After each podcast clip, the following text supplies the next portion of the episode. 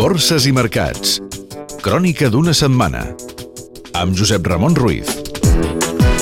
La crisi en el món àrab que ha disparat el preu del barril de petroli, els temors sobre la crisi del deute sobirà als països perifèrics de l'eurozona amb el deute grec al llindar de l'impagament i el portuguès en zona de màxims històrics, unes xifres macroeconòmiques no gaire positives als Estats Units i la Xina i el terratrèmol al Japó han marcat la setmana bursària.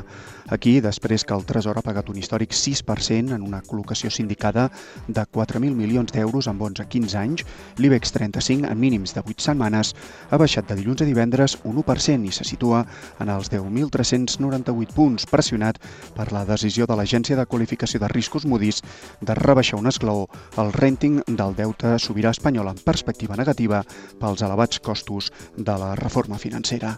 Uns 50.000 milions d'euros, diu. En canvi, Hores abans, el Banc d'Espanya feia públic que 8 caixes i 4 bancs necessiten 15.152 milions d'euros per ser solvents. En l'àmbit empresarial, Iberdrola ha presentat una proposta de fusió per reabsorció per la seva filial Iberdrola Renovables. El BBB ha celebrat junta d'accionistes i el Suprem ha inhabilitat Alfredo Saez, conseller delegat del Santander, per un delicte d'acusació falsa contra uns deutors del Banesto. Des de l'1 de gener, el selectiu de referència de la borsa espanyola acumula uns números verds d'un 5,47%. Cotitzades catalanes. Gas natural fenosa. Proposarà en la pròxima junta d'accionistes prevista pel 14 d'abril el repartiment d'accions gratuïtes per un valor de gairebé 413 milions d'euros. L'assada de Barcelona. Les societats Xatroil i Nueva Sol li hauran de retornar crèdits participatius d'uns 20 milions d'euros que la Química els hi va concedir al 2008, segons el jutjat de primera instància número 25 de Barcelona. Vueling. L'aerolínia va transportar 630.000 passatgers al febrer, un 8% menys que en el mateix període de 2010. Service Point Solutions. La seva filial holandesa s'ha adjudicat dos contractes de serveis online i captació de dades a Holanda per un import d'1,4 milions d'euros euros. L'euro.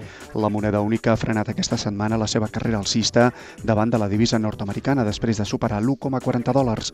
Amb la rebaixa de l'agència Moody's del renting espanyol, aquest divendres el Banc Central Europeu n'ha fixat el seu canvi oficial a 1,3773 dòlars. El petroli. En màxims de dos anys, el futur a un mes del barril de cru tipus Brent, el de referència a Europa, per a fixar el cost dels combustibles, ha moderat la seva carrera alcista. S'ha pagat de mitjana 115 dòlars després dels temors sobre la recuperació econòmica global i de les últimes dades macroeconòmiques als Estats Units i la Xina i les renovades pors sobre la crisi del deute a la zona de l'euro. Vocabulari financer. Què són les agències de qualificació creditícia o de rating? Són les encarregades d'avaluar la solidesa financera d'un estat o d'una empresa, qualificant a cadascú amb una nota concreta segons una escala predeterminada. Segons aquesta nota, les agències determinen les seves previsions sobre la capacitat de pagament dels deutes adquirits per l'empresa o l'Estat. Tres empreses dominen el mercat, Moody's, Fitch i Standard Poor's.